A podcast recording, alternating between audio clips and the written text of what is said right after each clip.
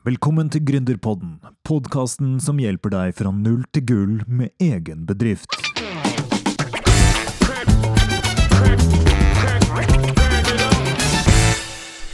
Hei og velkommen til denne rykende ferske episoden av Gründerpodden fra null til gull. Dette er podkasten som tar for seg gründerhistorier og annen innsikt som kan hjelpe spirende gründere å lykkes. Vi snakker om vekst, produktivitet, internettbaserte problemstillinger, ledelse, samarbeid, utfordringer, følelser, tap, vins, filosofi, ja, og alt imellom. Jeg heter Tor, og i dag har jeg med meg Ola Høva fra Studio Fysio. Men først, dagens episode er sponsa av Hjemmesidekurset fra null til gull. Alle som har lyst til å lykkes med egen bedrift, trenger ei hjemmeside. Du kan representere en merkevare, bygge ditt personlige brand, selge produkter og tjenester eller dele dine tanker gjennom dine egne artikler. Det beste av alt er at du eier trafikken, ikke Facebook og Instagram, og du kan konvertere lesere og følgere til betalende kunder. Vi garanterer at du har din helt egne fiks ferdige hjemmeside opp og gå på ti dager, eller pengene tilbake.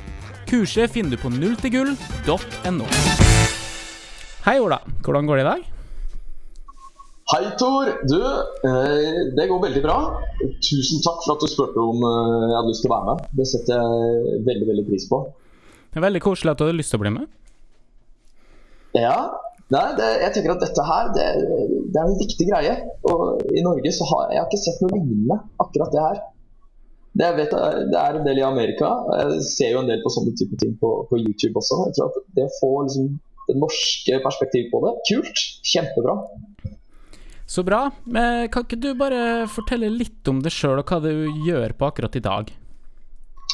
Du, eh, i dag så har jeg satt av en del tid til å prate med deg da, og fortelle litt om, eh, om, om min historie holdt jeg på å si, i forhold til dette med å, starte egen eh, bedrift. Jeg har vært eh, innom eh, klinikken og studio i dag tidlig og hatt et par kunder. Eh, og resten av dagen er som sagt egentlig booka ut eh, til det her. Så det er en litt annerledes dag enn å bare liksom, stå og jobbe med, med kunder. Men det, variasjon det er en viktig, viktig greie. Kult. Ja, for du driver jo et fysioterapistudio, ikke sant? Ja, vi, vi, driver, eh, vi driver med fysioterapi, eh, behandling, altså mest da type idrettsmedisin. Vi ser nesten bare eh, folk som er veldig langt ut i behandlingskjeden. Det er stort sett bare det vi kaller for ilandsproblemer. Det er disse som har løpt 10 km og som begynner å få vondt i kneet, eller noen som sliter med plantarfasitter. Eller, altså, vi, vi, ser sjelden bruddskader eller proteser eller eh, kronikere, folk som er lengre ned i, eh, i behandlingssystemet. Da. Så, så my, mye går på liksom løpere, eh, idrett. Eh, ja, det er stort sett eh, ganske ressurssterke pasienter vi har. Så driver vi jo i tillegg med personlig trening, altså med liksom alt fra Mangata til folk som er på relativt høyt uh, nivå. Så jeg føler vi har liksom hele spekteret. Uh, I tillegg så er vi jo mye ute i bedrifter og hjelper til med alt mulig fra fysioterapi, altså felles fysioterapitimer for de ansatte. Uh, Singlebehandlinger, massasje, energipauser på jobben. Uh, felles gruppetreningstimer, løpekurs, skikurs. Uh, alt av helsefremmende tjenester for de ansatte. Da. Så vi er rundt om i hele, hele Oslo, og, og, noe ute på, på Fornebu og Lysaker. Ja, og dette syns vi er kjempespennende, for jeg har jo, som du vet, en bachelorgrad i idrettsvitenskap sjøl, så jeg er sikker på at vi kunne snakka om det her hele dagen. Men kan ikke du fortelle litt om, litt om reisen din fra spirende gründer og frem til der du er i dag nå med egen bedrift? Jo, det, det, kan jeg gjøre. Jeg har alltid på en måte hatt en drøm om å ha mitt eget firma det har jeg hatt egentlig fra jeg var liten. Så ønska jeg liksom å, å, kunne sitte som sjef i et firma og få lov til å, å ha ansatte og hele den delen der. Um, og det var vel først egentlig etter, uh, etter at jeg var nesten ferdig på Norges idrettshøgskole, etter tre år der. Da fikk jeg på en måte min første jobb i treningsbransjen. Det var på et, et studio som heter Arka, Uh, og Der fikk jeg beskjed om at her må du ha ditt eget firma for å jobbe. Altså Jeg måtte ha et enkeltmannsforetak. Og jeg husker jo at denne følelsen av å opprette et enkeltmannsforetak, som jeg da Det er jo i bunn og grunn et firma, ikke sant. Det, det var veldig stort. Det betydde veldig mye for meg, og det var liksom første gang jeg tenkte at nå skjer det. Eh, så jeg har egentlig helt fra jeg starta i treningsbransjen eh, vært selvstendig næringsdrivende. Jeg har hatt på en måte mitt eget firma og vært, vært avhengig av å, å, kunne selge for å lykkes. Så jeg jobba en, eh, en, god periode i arbeid, et par år. Og Der fikk jeg masse erfaring også med dette ut mot, mot bedrift. Det var en veldig sånn fin og trygg oppstart, og det er et veldig, veldig spennende firma. Eh, men så fikk jeg muligheten til å, å gå over til Norsk idrettsmedisinsk institutt. Det som er kjent som NIMI. da. Det er jo enda mer et klinisk perspektiv. Eh, der er det ikke bare trening, men der fikk jeg lov til å starte eh, som personlig trener. Og fikk et par kunder der. Det var også en, en, et fantastisk sted å jobbe. Eh, men når jeg da også begynte på fysioterapien og kombinerte det, så ønska jeg muligheten til å jobbe mer klinisk. Eh, og det fikk jeg ikke helt i samme grad på Nimi. Altså jeg jobba en periode med ortopedi da jeg var ferdig utdanna eh, på avdeling til Nimi på Hønefoss. Og det var jo fantastisk. Det er også kjempemoro og lærerikt. Men men drømmen min da var på en måte å, å til å jobbe klinisk på Ullevål, og det var det ikke rom for. Altså, da var det ansettelse. Jeg fikk ikke lov til å ha på en måte mitt eget enkeltmannsforetak og, og, og, kontor der oppe. Så jeg følte liksom at jeg var med på eh, A-laget, men jeg satt på benken. Og i denne bransjen så er det jo på en måte det er så avgjørende å få ta i folk og få se eh, de ulike casene. Eh, Nimi ga meg jo masse kunnskap og kompetanse i form av fagmøter og erfaringer fra, fra andre terapeuter og de andre trenerne på huset. Så jeg, er jo, jeg, føler at jeg skylder de mye sånn sett. De har gitt meg voldsomt mye kunnskap som jeg ikke har fått på studiet. Uh, så det er jeg veldig takknemlig for. Men jeg syns uh, ja, mulighetene blir begrensa når du jobber på et veldig sånn Eh, spesialisert sted. Du har skuldereksperten sitter der, kneeksperten sitter der.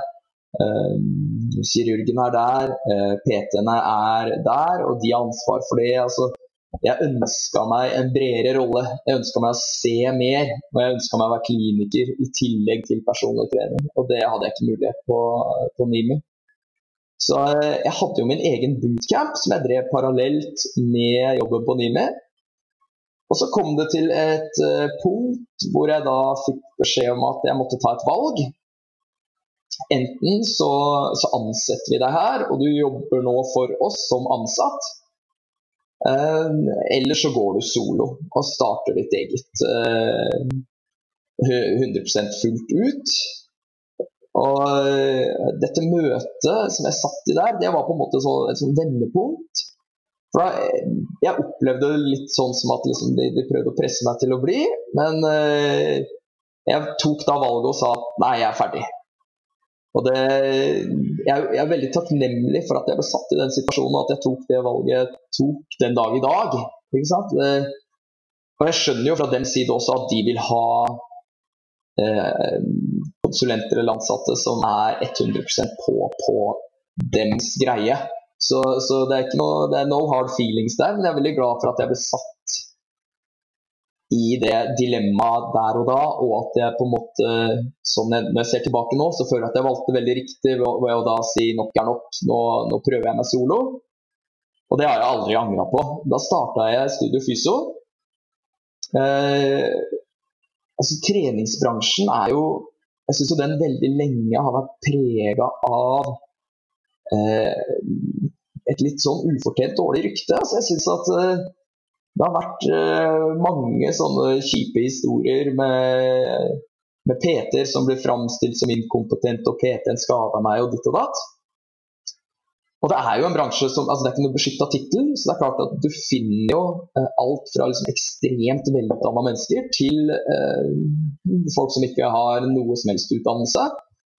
Så jeg ønska veldig å på en måte gjøre noe med det. Da, og da tenkte jeg at det å lage et firma hvor vi liksom setter en standard på at det skal være minimumskrav til at du er eh, fysioterapeut, det sikrer i hvert fall eh, altså en viss kvalitet. Da vet folk liksom litt mer hva de får. Eh, og folk har gjerne et, et, forhold til fysioterapi. De vet hva en fysioterapeut gjør, eh, i en helt annen grad enn de vet hva en som har utdannelsen fra Norges idrettshøgskole gjør. Ikke sant? Jeg sier idrettsviter, jeg er idrettsfysiolog. Ok, hva er det? Det er det ikke så mange som vet, siden det ikke er en profesjon eller en beskytta tittel. Eh, så, så, det å ha eh, dette fysioterapiperspektivet og kravet til utdannelse, det, det, var på en måte noe jeg tenkte kunne være en smart greie for å kunne selge seg inn. Og det har jeg jo sett også og fått erfare at det har vært veldig smart. Jeg tror kvalitet og kompetanse i en bransje bare viktigere viktigere. Så eh, faktisk min aller, aller, aller første PT-kunde når han hørte at jeg liksom var på det tankestadiet at jeg skulle eh, kanskje gå solo, så sa han jeg vil hjelpe deg. Jeg hjelper deg. Eh, jeg veit om et eh, lokale. Altså vi har i gata der jeg leier, det er flere industribygg bortover. Og en av mine kontakter, jeg vet at de har en liten en liten hall, som er en sånn gymsal, som nå brukes som et sånn søppelrom, et lagerrom. Og Ola, la meg, la meg, sette deg i kontakt med de, og så hører du om du kan få til en deal der. Og Så fikk jeg et møte der, og vi, eh, vi ble jo enige om at eh, vi kunne kanskje ha en liksom positiv synergi av hverandre. Jeg fikk da den avtalen at jeg kunne låne dem, dette søppelrommet mot at jeg liksom rydda det, klina det, eh, vaska garderoben og dusjene og alt dette her. Og satte inn en del utstyr, og de skulle sette inn en del utstyr. Og så skulle jeg da få lov til å ha mine kunder der, men også deres ansatte skulle få ha, ha, tilgang på dette rommet. Uh, og jeg måtte også holde noen treninger for dette firmaet. Jeg synes det, så, altså Når du har null, null kroner, så, så, må man på en måte tenke litt uh, smarte løsninger. Så for meg så var dette en gulldeal. det er det ingen tvil om. Uh, Det bevitner jo bare hvor viktig nettverket er. ikke sant? Denne, denne, første kunden min har på en måte hjulpet meg fram hele veien. Jeg tror at Er du gründer selv, så syns du alltid det er kult med andre gründere. Andre som på en måte tar den risikoen og tar sjansen og sier opp jobben sin og, og, og går 100% for det. Så det er egentlig sånn, sånn dette starta. Så har jeg på en måte gradvis fått, uh, fått kjøpt inn uh, mer og mer utstyr og fylt opp uh, så det er liksom et fullverdig studio og blitt en klinikk. Da. Men det har jo gått gradvis fordi ting er dyrt og det koster penger. Så jeg har kjøpt, kjøpt mye utstyr brukt og ikke minst vært på når jeg ser liksom at ting skal byttes ut. Så treningsutstyr er fryktelig dyrt. Så, så jeg, har vært, jeg, har vært, veldig gjerrig på, fra start. Og det tror jeg er det som har sikra meg på en måte at jeg har greid å overleve da, og, og, virkelig fått bygd opp noe som begynner å tjene godt med penger.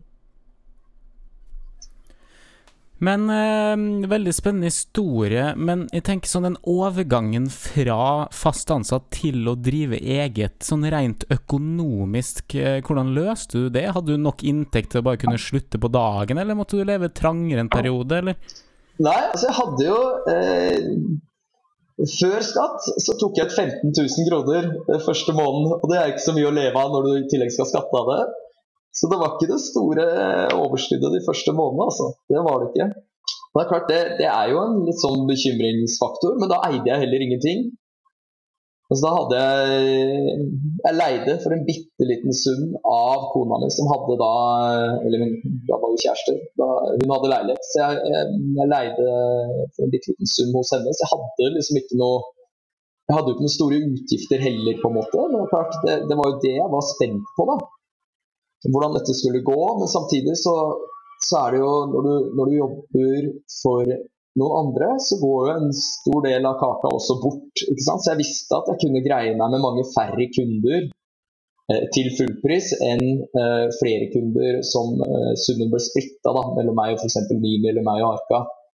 Så det var også en sånn ting jeg liksom eh, hadde i bakhodet, da, at nå går hele kaka til meg. Jeg har egentlig ikke noe, noe, husleie på det stedet jeg er, så det er på en måte ikke så fryktelig mye som uh, får gått veldig galt. At jeg følte at jeg hadde fått tak i en god deal. da. Når jeg ser tilbake også, så var det en helt fantastisk deal. Så, så det, det, er, jo en faktor, det. altså Hvordan skal man på en måte greie seg økonomisk hvis man har store utgifter? Heldigvis hadde jeg ikke store utgifter. Jeg tror at jeg tror at det å, å, redusere utgifter i en startsfase jeg tror er helt avgjørende for å lykkes. Altså, du kan ikke tenke fancy utstyr og det nyeste og det beste. og Jeg tror ikke det er det som gjør at kundene kommer til deg. Jeg tror det er menneskelige faktorer som kunder eh, kikker på. Altså, Jeg starta ved et tomt søppelrom, liksom, og det var jo flere kunder som allikevel kom dit. Og når jeg ser tilbake hvordan det så ut da, Altså, jeg, jo, jeg blir nesten rørt av at folk ble med meg, liksom. At de hadde lyst til å fortsette å jobbe med meg, selv om dette her var liksom et, eh, et, helt uh, veldig veldig simpelt og enkelt lokale. Så, så det, det, å, det, å, være bevisst på, på pengebruk i en startfase, og, og, tørre å gå for liksom second hand og enklere ting, eh, i hvert fall så er min erfaring at det, det har vært en helt avgjørende greie for å lykkes. Jeg tror det er veldig smart det du sier der med at eh, menneskelige faktorer er litt av det som gjør at folk velger det, og det er jo kanskje den ene konkurransefordelen du har da, som ingen andre kan kopiere? Ja, jeg, jeg, tror, eh, jeg tror, det er viktig, og de, de, konsulentene jeg bruker også, jeg bruker mye tid på, på, den delen av det. For det er på en måte ikke noe kunst å, å stå og pushe og, og presse kunder til å bli slitne.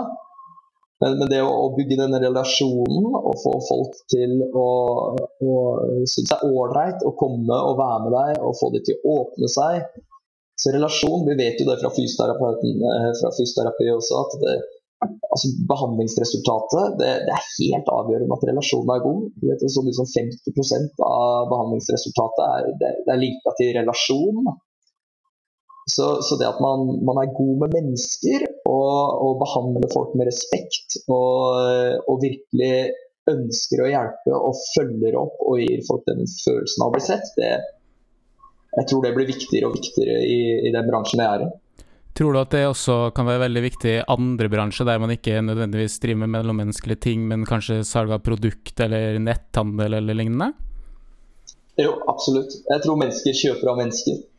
Det, vi kjøper av de vi liker og de som, de som vi stoler på. Så, så, absolutt. Jeg tror, jeg tror disse altså, Hvis du tenker telefonsalg Bare det å høre en stemme som høres ut som et vanlig menneske, ikke som en selger, det tror jeg er liksom nøkkelen til å nå inn til folk. Da. Det er i hvert fall min erfaring når jeg sitter på telefon og selger. Det, det, å, det, å, prate med, med, en normal stemme, at du liksom har mulighet til å, å feile litt i det du sier, at det ikke er så manusprega at det bare høres ut som en sånn strofe, en klassisk selger, liksom. Men det at du prater mer normalt med folk, med toneleie og, og ja, stemmebruk, eh, hastighet, at du tar deg tid, det tror jeg, jeg tror det er nøkkelen til å faktisk eh, unngå at eh, eventuelt kjøper slenger på røret. At de tar seg tid til å høre på deg. Sånn er det med alt av salg 1 til 1 også, at du, liksom, du virker troverdig. Og, og, at du er troverdig. Det er på en måte uh, vår erfaring, og det, det, må man være for å, å få, til, uh, få, til, noe. Hmm. Um, la oss snakke litt om eh, mestringsfølelse, fordi at uh, antar at det er viktig for kundene dine, sikkert. Men har det vært viktig for det i din reise? Jo, absolutt. Det, jeg føler at det å drive eget firma, det er jo sånn berg-og-dal-bane av følelser. Så noen dager så tenker du bare herregud, det er helt, helt sjukt, liksom. Det er jo det er helt fantastisk. Det er jo no limit. Liksom. Det her kommer til å bare bli sky high. Andre dager så tenker du bare faen for dritt. Det her er ah. Alt går imot. Jeg føler det som at dette med salg, ofte så kommer mange store innsalg samtidig, at det på en måte flyter. Og så kan liksom flere kjipe ting komme etter hverandre. Det er ikke sånn at det kommer litt bra, litt dårlig, litt bra, litt dårlig. Min erfaring er at mye kommer samtidig. da. Og Det er en spennende greie. Det er en emosjonell uh, reise. altså En karusell som går opp og ned hele tiden. Det, ja, du må, du må, lære deg å takle, takle nederlag. Så må du kose deg og være høy når du er høy. Og det å da tørre å, å reise seg igjen når, det, når ting har uh, butta litt. For det er jo det, det er jo Ja, altså det, det, er jo Man tenker jo liksom at mange av kundene skal være der for alltid, men plutselig så kan folk du liksom tenker skal være der for alltid, eh, si deg på dagen. Så et eller annet skjer. Plutselig skal du flytte, plutselig så er det andre ting som har skjedd som gjør at de ikke kan trene med deg. Så jeg tenker det å alltid liksom levere og levere og levere et produkt som gjør at hun har veldig lyst til å komme tilbake, det tror jeg er avgjørende. Tar du en kunde for gitt, da tror jeg du mister den på et eller annet tidspunkt. Det med mestringsfølelse knytter jo litt inn mot det med livsfilosofi, kanskje et litt større bilde. Har du en spesiell livsfilosofi? Ja, altså jeg, jeg, jeg er veldig glad i å skape og, og forbedre. Ikke sant? Jeg, jeg, liker, eh, jeg liker jo det å se at dette firmaet vokser. Uh, først og fremst i form av mennesker og kompetente mennesker som, uh, som har samme mål som meg. Men altså på hjemmebane. Jeg, jeg, liker å skape på hjemmebane også. Jeg har selvfølgelig bygge opp familie og være til stede eh, der. Og, og, oppdra døtrene med godt og følge opp de og være en god ektemann og alt det der. Men men, men, så enkelt som å, å se at hagen eh, vokser og er fin. Det er sånne småting da, som gir meg glede. Se at hekken blir større. Altså, det, det, høres kanskje latterlig ut, men jeg, jeg, liker sånne ting. Jeg liker å se måte, forandring til noe bedre. Og Sånn er det jo med kunder òg. Altså, ja, det er, det er, først og fremst kundens reise, men jeg blir jo, blir utrolig glad når jeg ser at jeg greier å gi kundene noe. At vi forandrer folks liv. Det er, det er jo ingenting som er mer motiverende enn det når du får feedback på at livet er snudd opp ned fordi det har blitt bedre form, eller at smerter er borte og den delen der, og du ser at folk er fornøyd, det er jo Ja, da har du jo virkelig greid å skape noe, ikke sant? Du har greid å skape et produkt som funker. Og det at det blir større og større, at folk vet, vet hvem firmaet er, eller hva firmaet er for noe. Det har også vært eh, Ja, det, jeg, jeg elsker det. Syns det er utrolig kult. Vi hører veldig lite snakk om eh, penger og rikdom her. Eh, ja, altså penger er jo en, en del, og det ville vært løgn å sagt at hvis jeg Altså jeg hadde, jeg hadde ikke jobba så mye som jeg gjør, og, og, stått i det hvis jeg ikke på en måte fikk noe igjen. Så, så det er klart, økonomien i det er jo Det er jo én drivkraft, men det er ikke hoveddrivkraften. Jeg tror at hvis du på en måte har økonomi som eneste drivkraft, da tror jeg ikke du greier å levere et godt produkt når du jobber med mennesker. Så, så altså for all del, det, det, gevinsten sånn økonomisk, det, det, er en positiv faktor. Men, eh, men er ikke, det, er ikke, det som er hoved, hoveddrivkraften. Det er det å skape og se at noe vokser. Og greie å, å danne en arbeidsplass med kollegaer og, og ikke minst ha gode relasjoner både til eh, ansatte bedrifter, men også privatkundene våre. La oss eh, rulle litt tilbake. Eh, hva var det du skulle ønske at du visste da du starta med det her? Altså Firmadrift kan jeg jo veldig lite om. Altså Jeg har alltid følt meg liksom trygg på, på kompetansen min i forhold til faget. Men, men, firmadrift og økonomi og de tingene der, det, altså det, det, har jeg nesten ikke Jeg har ikke hatt noe opplæring i det sånn sett. Så mye av det har jeg lært meg selv og blitt eh, coacha av, eh, av, andre som har stilt opp. Og, og, jeg bruker også en del penger på å, å få hjelp til det. Så det, jeg setter bort de tinga jeg ikke er komfortabel med, med selv, som jeg, ikke, som jeg ikke, kan.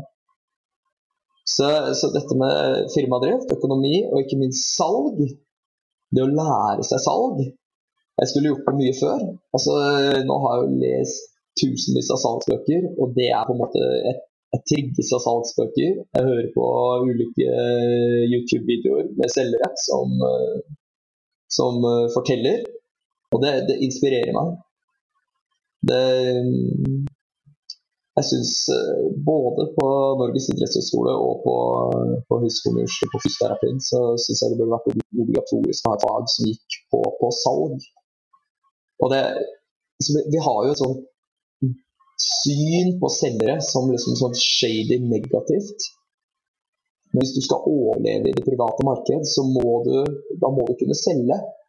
Jeg tror du må, du må alltid selge med et godt hjerte. altså Du skal aldri prøve å lure kunden på noe som helst måte. Du må tørre å be om salget. Altså du, du, må fortelle folk at du, dette kan jeg hjelpe deg med. Dette her, det er det vi jobber med. Det er jo jobben vår. Jeg føler at det er en sånn misforstått greie uh, innad, spesielt i fysioterapimiljøet, det med at ja, vi kan ikke selge, liksom. Altså, det, er, jo jobben vår. Vi hjelper jo andre. og det, det Samme hvor god fysio du er hvis du ikke har folk på benken din, liksom. Altså, det viktigste er at vi får folk inn på klinikk og gjør kundene og pasientene fornøyde. Liksom. Jeg tror du misforstår hvis du ikke tør å selge, da, hvis du ikke tør å få få mulighet til å ta i pasienter. Jeg tenker at Det er, det er liksom nesten det, det, mest grunnleggende av alt, da, hvis, hvis, man skal uh, jobbe privat. Og i hvert fall hvis man skal ha sitt eget firma. Da må du tørre. Og Så tror jeg du blir, du blir fort gjennomskua om du på en måte uh, holder det du lover da, ved innsalget. Så det kan du faktisk hjelpe til med det. Det går jo et par behandlinger, så ser jo pasienten om du faktisk leverer resultater eller ikke. Så, så det å, å, selge og være på, det er helt avgjørende. og Det skulle jeg, det skulle jeg lært mye tidligere. Og Det var vel kanskje først når jeg liksom sto på helt bare bein at jeg skjønte liksom hvor på man må være. Og hvor mange muligheter du har til salg i løpet av eh, en dag når du f.eks. er ute på en gruppetreningstime. Så før så sto jeg jo altså, Når en gruppetreningstime var ferdig, så sto jeg jo og liksom tippa, eller mer sånn når folk kom bort og sa du, har vondt i kneet, hva tror du det kan være? Så jeg nei, det er jeg litt usikker på. Det kan være det og det, det kan være det og det, det kan være det og det. Men det vet vi ikke. Ok, takk for i dag, ha det. Mens eh, nå driller jeg mine på at god service er jo hjelpe til. Det, det vet jeg ikke hva er, men det må vi ta deg inn for å undersøke. Dette må vi se på. Vi må få deg inn, så vi, vi faktisk kan hjelpe deg. Jeg tror at når folk, når folk lufter en interesse da må du spille ball riktig. Da må du ta tak i det. For det er jo en indikasjon på at de har lyst på hjelp. Og god service er jo, det er jo virkelig å ta tak i folk. Ikke bare stå og tippe på at det kan være en menisk eller det kan være en eller annen eh, eller et eller annet som, som lugger litt. Og det opplever jeg at folk setter veldig pris på også. Altså når vi sier at dette, dette må vi se på. Ja, ja, men så flott at det blir tatt tak i. Istedenfor at man liksom melder at man har et problem, og så står det en foran deg som uh, slenger ut treffere forslag og sier takk for i dag, liksom, uten å ta videre tak i det. Så, så, jeg mener at markedet er jo der. Altså, jeg hører hele tiden om folk som sier nei, det private markedet det er, så, det er så hardt, det er så vanskelig. Altså, det er vanskelig hvis du ikke er på. Det er masse muligheter for innsalg. Og vi, vi lever jo i Oslo, liksom. Det er jo Folk har mer enn god nok råd til å betale for helsa si, og mange prioriterer det.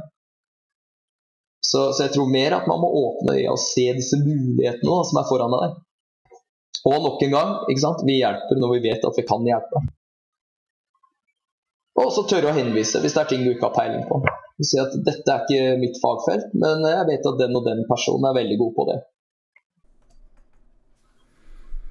Føler du at det er en uh, vanskelig balansegang mellom å selge siden og kanskje ha kunder som kommer tilbake, da, slik at du får mer salg, og det å faktisk vite når kunden har fått hjelp og ikke trenger å komme tilbake? Så Det blir jo ofte fysioterapeutene litt kritisert for, at de sjelden gir slipp på, på kundene. Altså I PT-verden er det jo litt annerledes. Der er det jo nesten sånn at jo lengre du holder på en kunde, jo bedre er du. Mens som fysioterapeut så skal du på en måte kunne greie å behandle en kunde på færrest mulig behandlinger. Men, men, min mening er jo også der at det å tørre å gi kvalitet Altså en, eh, en senelidelse da, som vi vet kan ta opp mot eh, tolv uh, uker. Altså er det ikke ålreit å, å hjelpe, hjelpe til med tett oppfølging der? Jo, selvfølgelig skal du gi pasientene et verktøy sånn at de kan gjøre en, en, del ting selv. Men vi vet jo at compliance på pasienter det er jo elendig. Så veldig få følger opp godt. er det ikke da bedre service å si du, dette må vi faktisk eh, jobbe tett sammen på. Dette skal jeg hjelpe deg med. Det, sånn og sånn er planen. Dette vil gi deg resultater. Og så får kunden bestemme selv om, om han er enig i den strategien, men vi vet, jo at, vi vet jo hva som fungerer. Dette har vi sett tusen ganger før. Så jeg legger alltid fram på en måte mine synspunkter på hva jeg mener er hensiktsmessig, og så får vi en bekreftelse på om uh, pasient er enig. Og det er klart, Vi har jo en del av de kundene som er innom klinikken én eller to ganger, og som vi aldri ser igjen. Som vi greier å hjelpe med liksom, akutte ting. Men så har vi også den basen som, som tikker og går uh, dag inn og dag ut, uh, år etter år. Så jeg ser, litt, jeg ser litt ulikt på dette med, med, PT og fysio. Det er to ulike ting. Og som fysioterapeut så følg opp tett og gjør jobben ordentlig, men tør å gi slipp på et eller annet tidspunkt. Så det ikke virker som du liksom skal hale ut og hale ut og hale ut for å få mest mulig eh, cash in. Det tror jeg også at pasientene, altså folk er så oppegående i dag, så de vil gjennomskue deg på det. Men det å få god oppfølging, det er også en, en veldig viktig faktor. Altså. De, de, skjønner at du vil følge dem opp tett. Det tror jeg alle setter pris på. Det er i hvert fall, eh, det i hvert fall sånn jeg ser på det. Men du underviser litt også, gjør du ikke det? Kan du ikke fortelle litt om det, og eventuelt om det er knytta inn i bedriften, eller om det er en separat greie? Jo, jeg underviser en del på, på eh, Høgskolen i Oslo. Som kommende fysioterapeuter. Og, da er det jo gjerne inn mot eh, bevegelse, bevegelsesanalyse. Eh, jeg er jo Mensendik fysioterapeut. Og, og Mensendik er jo et eget treningssystem, altså en egen treningsfilosofi. Så der er jeg inne og jobber mye, mye praktisk. Og, og lærer kommende fysioterapeuter dette med, med, instruksjon og formidling, og, og, hvordan vi skal gi kunden en forståelse av hva vi driver med. Jeg mener jo dette med kunnskapsoverføring og, og forståelsen at kunden faktisk skjønner hvorfor han gjør det. At det gir mening for kunden, det er på en måte avgjørende for at kunden skal eh, gidde å gjøre det i det hele tatt. Så undervisning det er, en, det er en veldig kul, kul greie. Um, eneste minuset der er jo at det tar en del fokus vekk fra, fra klinikk. Det å forberede god undervisning som, som, er god kvalitet på, det tar mye tid. Så, så det er jo et valg, men samtidig så, så, skjerper det deg. Og det oppdaterer deg. Og det å lære bort, det er jo vel så mye kunnskap for meg, liksom. Få hele tiden eh, fresha opp minnet på, på, hvordan ting er. Og så er det mange, mange, studenter som har mye morsomme innspill og erfaringer. og Man lærer mye av studenter, man lærer mye av kunder, man lærer mye av pasienter. og så Veien blir til mens du går. Så nei, det, den undervisningsbiten og foredragsbiten, den liker jeg veldig, veldig, veldig godt. Det, jeg liker jo mennesker. Jeg liker å, å, å se at mennesker blir gira av det jeg sier. Det, og, og, gi aha-opplevelser. Kunne overføre kunnskap og forklare ting som mange lurer på. Det er også en sånn, sånn deilig følelse. Og du har to bachelorgrader, stemmer ikke det? Jo, det stemmer. Jeg har eh, jeg studert på Norges idrettshøgskole i tre år. Der tok jeg bachelor i fysisk aktivitet og helse. Eh, så har jeg jo fysioterapien fra, fra Høgskolen i Oslo. da. Så, så, disse to utdannelsene Jeg mener jo at det er en sånn det er en gullkombo. Så når jeg var ferdig på, på, på idrettshøyskolen, så, så, følte jeg liksom at jeg mangla jeg mangla kompetanse med alt som har med på en måte smerter og skade å gjøre. Og når jeg da valgte å ta, ta fysioterapien, så følte jeg på en måte at jeg hadde fått den delen. Man er, jo aldri, man er jo aldri komplett, man er jo aldri ferdig utlært. Men men jeg følte meg mye tryggere i rollen. Jeg følte at jeg hadde mye tyngre ballast og en, en mye større akademisk pondus. En, en, mye mer sånn trygghet. Jeg følte at jeg kunne mer enn mange andre i, i treningsverden spesielt. I hvilken grad føler du at den formelle utdanninga her har bidratt til at du har lykkes med egen bedrift, og hvor føler du at det eventuelt ikke har bidratt? Altså jeg, tror, jeg tror den, den, tryggheten med at jeg liksom føler at jeg er trygg på produktet jeg leverer, der har utdannelsene bidratt. At det er på en måte grunnmuren for at du liksom du, du, du, selger et produkt som du går veldig god for selv. Altså, du, er, fornøyd med det produktet du selger. Det tror jeg er viktig liksom, uansett hva du selger. At du føler at liksom, her, her, leverer jeg noe som kunden får veldig nytte av. Som, de, som jeg vet er bra. Der, det, det, vet jeg at utdannelsene, på en måte den tryggheten der, det har utdannelsene stått for. Men, men det å, å, bygge opp et firma og og, markedsføre seg og selge og økonomien i det og alt det der er null. Ingenting. Ingenting. Altså det, jeg føler at utdannelsen i dag er veldig konservativ. Spesielt fyso er veldig retta inn mot at du skal inn i det offentlige, enten eh, i kommune eller, eller sykehus. Og det burde vært egne, egne fag på både idrettshøyskolen og og høyskolen som gikk direkte på, på, dette her. For det er mange som ender i privat uh, praksis. Ja, mange ender i kommune og sykehus og sykehjem også. Men, men det å, å, ha mer kunnskap om, om, hvordan man skal gå fram, og hva som lønner seg og hva som ikke lønner seg, og kanskje mest av alt salgsdelen, det, det, burde vært, eh, det, burde vært, obligatorisk. Helt uten tvil. Det, det er, er, et stort savn, og jeg mener at det er et stort minus. Eh, Apropos salg osv., hvor mye bruker du internett for å skaffe eller beholde kunder? Altså, jeg, jeg, har hatt, øh, jeg, har hatt veldig stor suksess med Instagram og Facebook.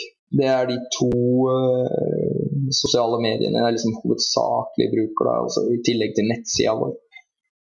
Det, det, var også en sånn faktor som liksom gradvis har gått opp for meg mer og mer hvor, hvor sterke, sterke, virkemidler det er, og hvor mange du når ut til. og jeg har blitt overraska over liksom hvem som responderer på disse innleggene. Hvem som vært inne og klikka liker, hvem som kommenterer. Altså, det er jo folk jeg aldri ville trodd, eh, eller som jeg ikke ante i det hele tatt visste hvem jeg var. Altså, det har vært professorer fra idrettshøyskolen som jeg liksom så vidt har vært på hils eller sånn, som da plutselig har vært inne og liker innlegg. Så, så du, du, når ut til så ekstremt mange. Altså, du poster noe, og så tenker du kanskje at det er liksom et par av kundene dine som ser det, men jeg tror at veldig mange jeg tror at veldig veldig mange flere enn det du tror, eh, ser dette. Og det viktigste er jo å bli sett.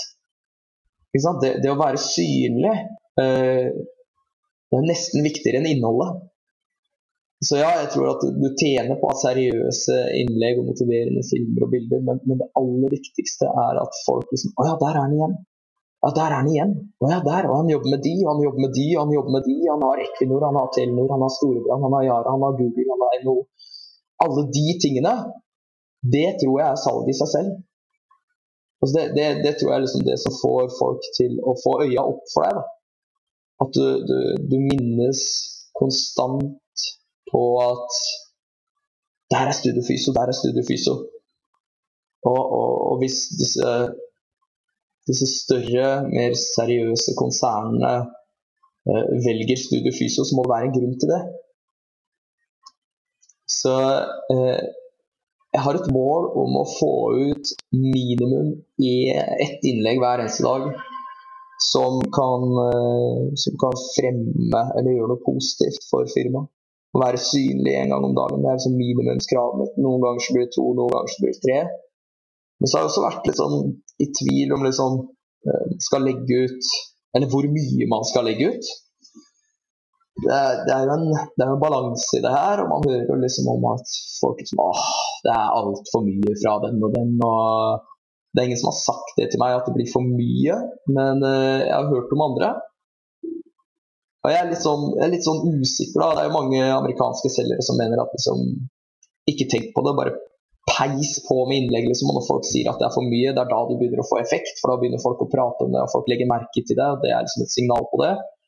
Men jeg tenker også at liksom det, det, skal være, det skal være noe som gjør at folk på en måte kicker på deg. Da, at de, de, de, får, de har på en måte lyst til å å lese det du skriver og se på filmene du legger ut og se på bildene.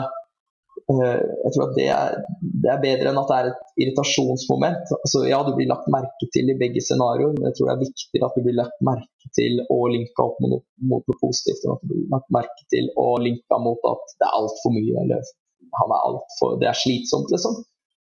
Så jeg har funnet ut at liksom, ett innlegg om dagen, det er målet. Eh, og så er det to eller tre en dag, så får det gå. og det hender jo også at man noen dager er helt tom, og det er ikke alltid det er så lett å komme på noe å legge ut. Men um, ofte så bruker jeg jo da på en måte ting jeg har hatt i hverdagen min da, som liksom gir meg ideer. Altså Har jeg en skulderbehandling, så kan du legge ut en skulderøvelse. Har jeg vært hos et firma, så kan jeg legge ut et bilde der og skrive liksom at vi har vært der og der og bla, bla, bla. Så, men det å tørre å være synlig er jo også for mange en litt sånn barriere, og det var det for meg òg. Å tørre å vise, vise meg fram i sosiale medier. Det, har jo Norge som er jantelovland nummer én. du skal på en måte ikke tro du er noe. Og det er klart, det, det, det, vil alltid være noen som har meninger om deg, og Det tror jeg når du er gründer at det må du bare innfinne deg med. At man kan ikke bli likt av alle. Det vil alltid være folk som tenker at ting bør gjøres på en annen måte. Men dette her, det er jo det er fordelen med å være gründer. At det, det er du som bestemmer. Det er, det er samme hva andre sier til deg. Altså, hvis de ikke liker det. Det viktigste er at det funker. At du ser en effekt av det. Og det er jo egentlig gjennom eh, Instagram og Facebook jeg har bygd opp hele firmaet mitt. Det er der jeg har gjort det, gjort det synlig. Så du har ikke brukt noe av Google Ads og betalt søk? Jeg har, jeg testa Google Ads en periode. Eh, da fikk jeg en venninne som, som jobbet med det til å sette opp en profil for meg der eh, på Si. Og jeg spydde vel ut kanskje 10 000-15 000 kroner på Google Ads totalt. Jeg så ingen effekt.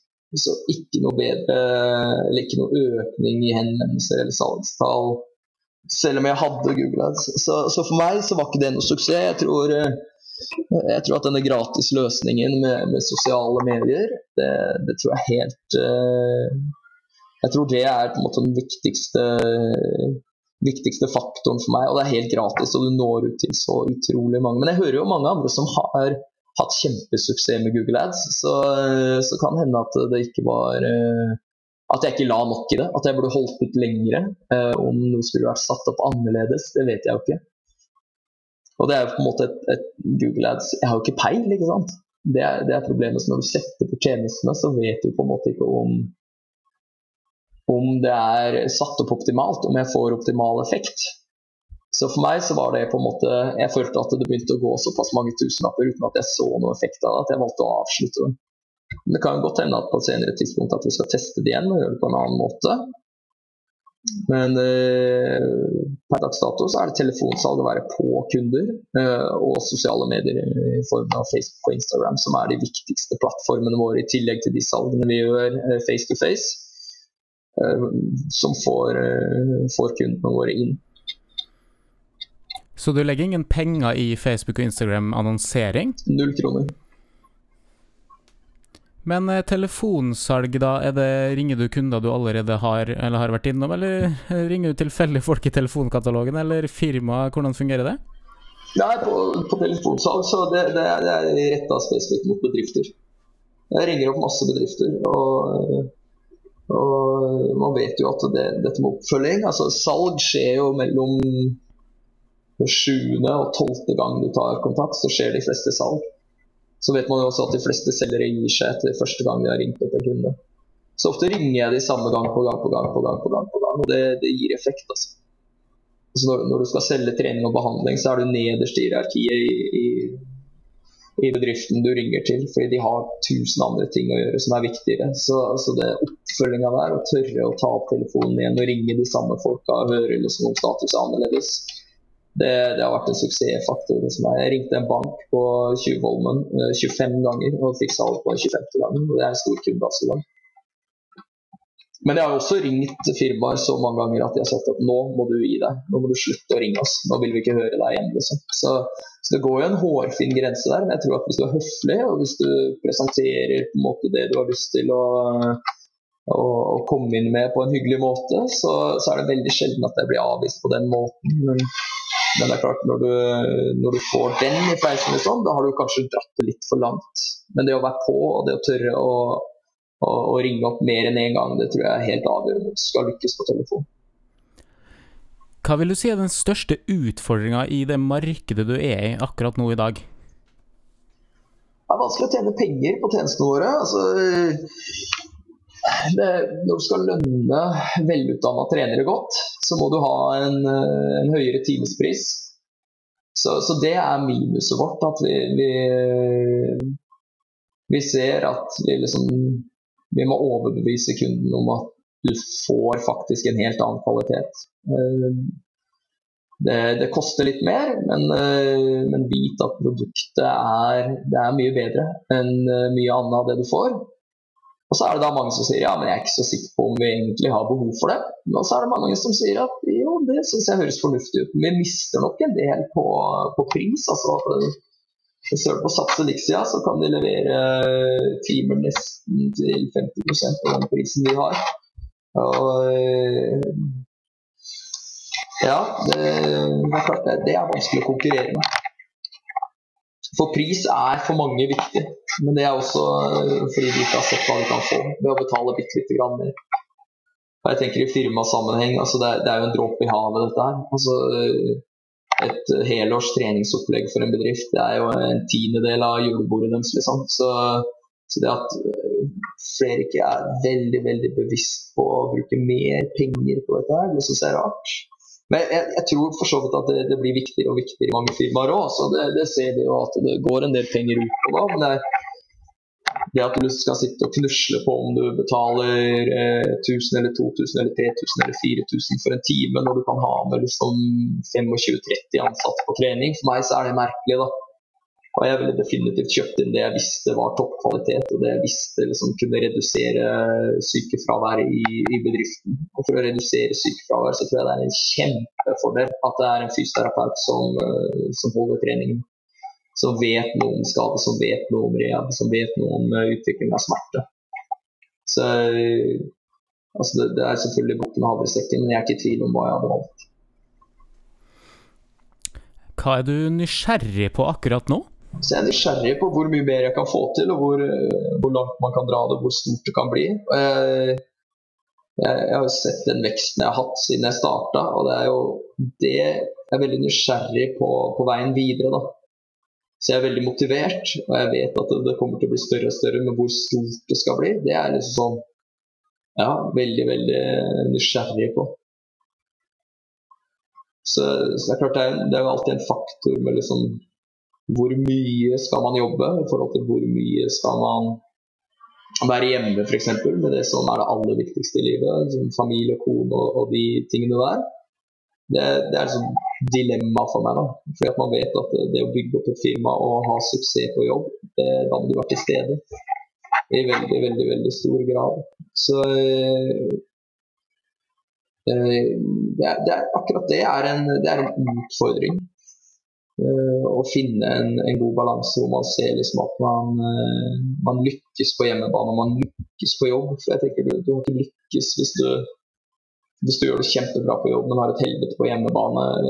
Og motsatt, selvfølgelig. da. Hvis du har det helt fantastisk på hjemmebane, men aldri er på jobb. Det går ikke rundt. Så ja, nei, jeg, jeg, er nysgjerrig på hvor langt vi kan dra det. Og jeg er veldig nysgjerrig på hva jeg kan få til med de som jobber for meg. Altså hvor, hvor sultne kan jeg få de, hvor gode kan jeg få de. Eh, jeg vet jo at de er, de er, de er veldig gode allerede, mange av de.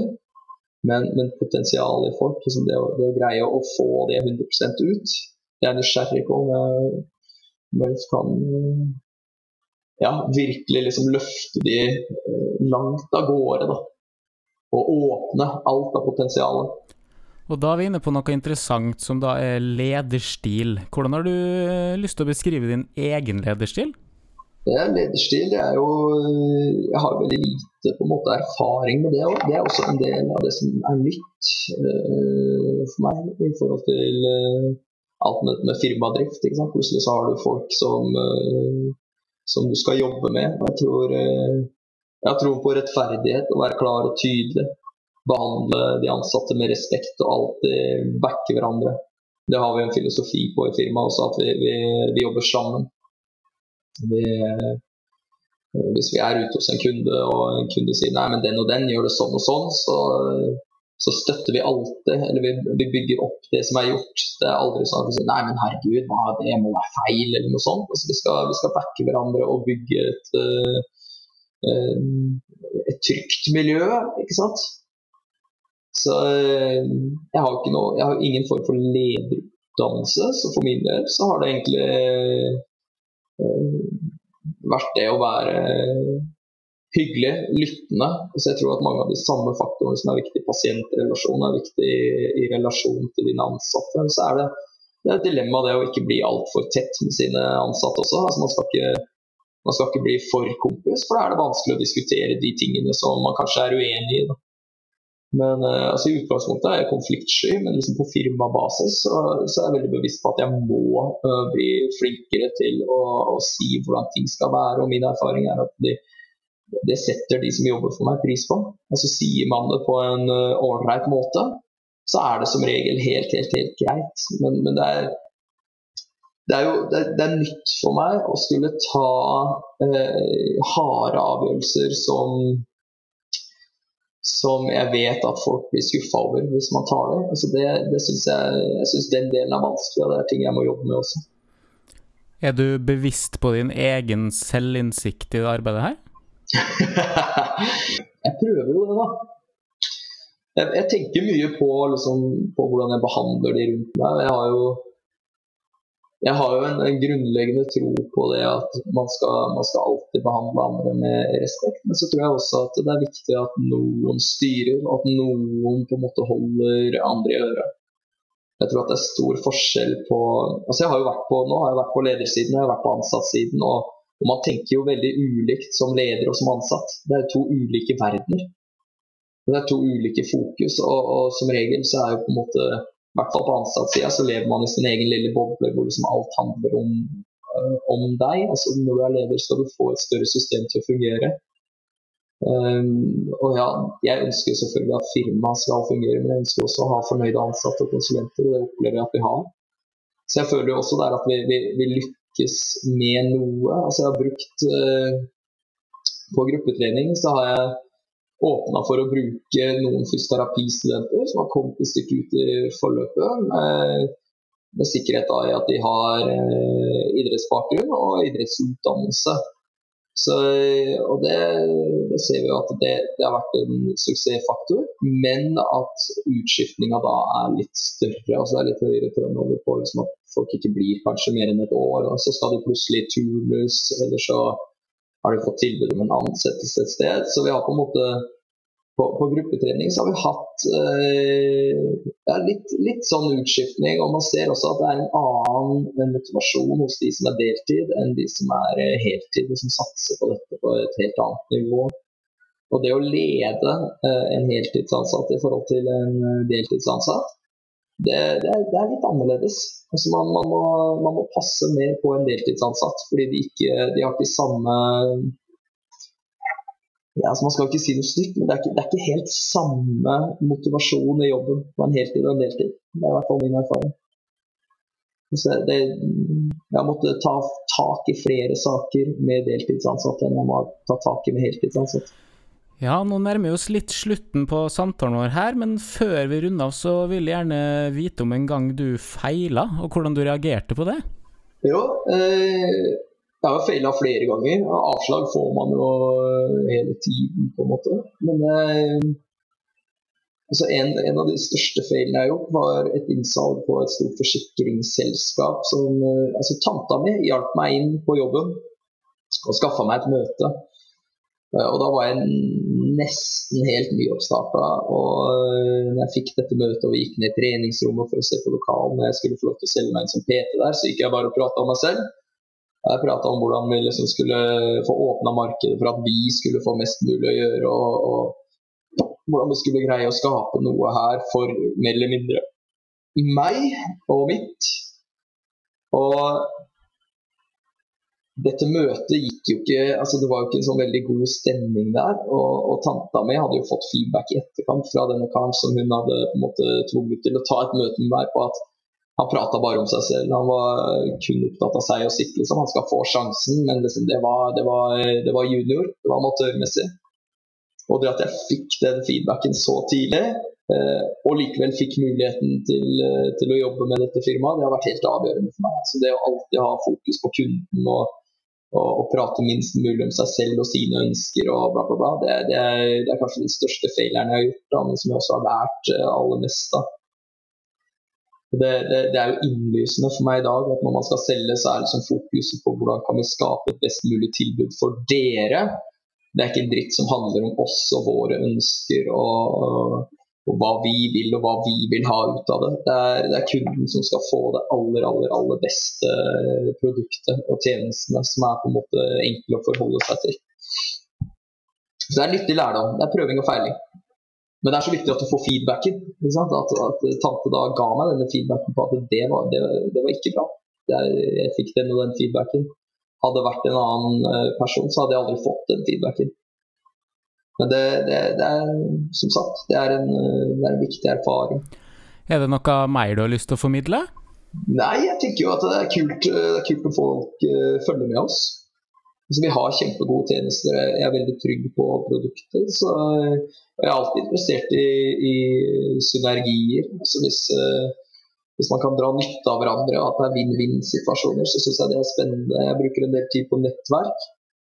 Jeg betaler for å være med i, i ulike sånne forretningsnettverk. Og det nettverksbiten, den har gitt meg masse. Veldig, veldig mye. Det å, det å komme i kontakt med andre mennesker som, som, driver med noe av det samme som deg. Og da ikke prøve å få de til å kjøpe av deg, men mer det å få, få de til å åpne nettverkene sine for deg. Det, det tror jeg er en, en, faktor som blir viktigere og viktigere i dagens salgssamfunn også. At man, at man, blir kjent med flere og flere mennesker. At man får lov til å presentere produktet sitt for flere. Flere ser deg, flere vet om deg at folk prater bra om deg, at du er en ordentlig og redelig kar. liksom. Ja, hvor kan folk uh, få tak i det, da? Informasjon om oss, det er nettsidene våre, studiofysio.com. Ellers så har vi jo Studiofysio uh, som profil på Instagram og på Facebook. Uh, slå gjerne på tråden eller, eller mail oss, så, så, er vi på med én en eneste gang. Altså som det, jeg setter veldig pris på om folk vil, vil følge, følge, det vi driver med. og Vi legger ut eh, som sagt minimum ett innlegg eh, hver dag. Noe er faglig, noe er mer fine, fine bilder eh, som skal motivere. Liksom kul natur og kule omgivelser i Oslo hvor folk trener og har det gøy. Så eh, nei, følg, følg med. Vi setter kjempepris på det. Jo flere som eh, trykker liker på innleggene våre, jo flere ser det. Så det, det, det er positivt for oss. Ja, alle som er med i denne podkasten får jo en liten oppgave i å finne en fun fact til sin episode. Har du eh, vært innom en fun fact? Ja, jeg, jeg har vært innom en fun fact. Det, det, går på hvor mange druer det går i en vinflaske. Og jeg kom til 700. Det er helt sykt. 700 druer for å skape én vin. Og jeg tenkte, Er det en kul fun fact eller ikke? Jeg tenkte, ja, syns det er kult. Jeg synes det er morsomt å vite. Det var faktisk ganske mange flere enn jeg hadde trodd. Ja, var det ikke det? Da veit vi det, folkens. 700 vinflasker Nei, det ble feil. 700 druer i én vinflaske. Du kan drikke 700 vinflasker hvis du vil òg, men da tror jeg ikke du står etterpå. Så bra. Du, da tror jeg at vi runder av der. Tusen takk for at du ble med, Ola. Du, tusen takk for at jeg fikk mulighet. Veldig, veldig hyggelig. Og til alle der hjemme, ikke glem å sjekke ut hjemmesidekurset vårt på nulltilgull.no. Det var altså nulltilgull.no. Og ikke minst, følg den podkasten her for flere interessante intervjuer med større og mindre personligheter som har noe å dele til alle som ønsker å lykkes med sin egen bedrift. Snakkes!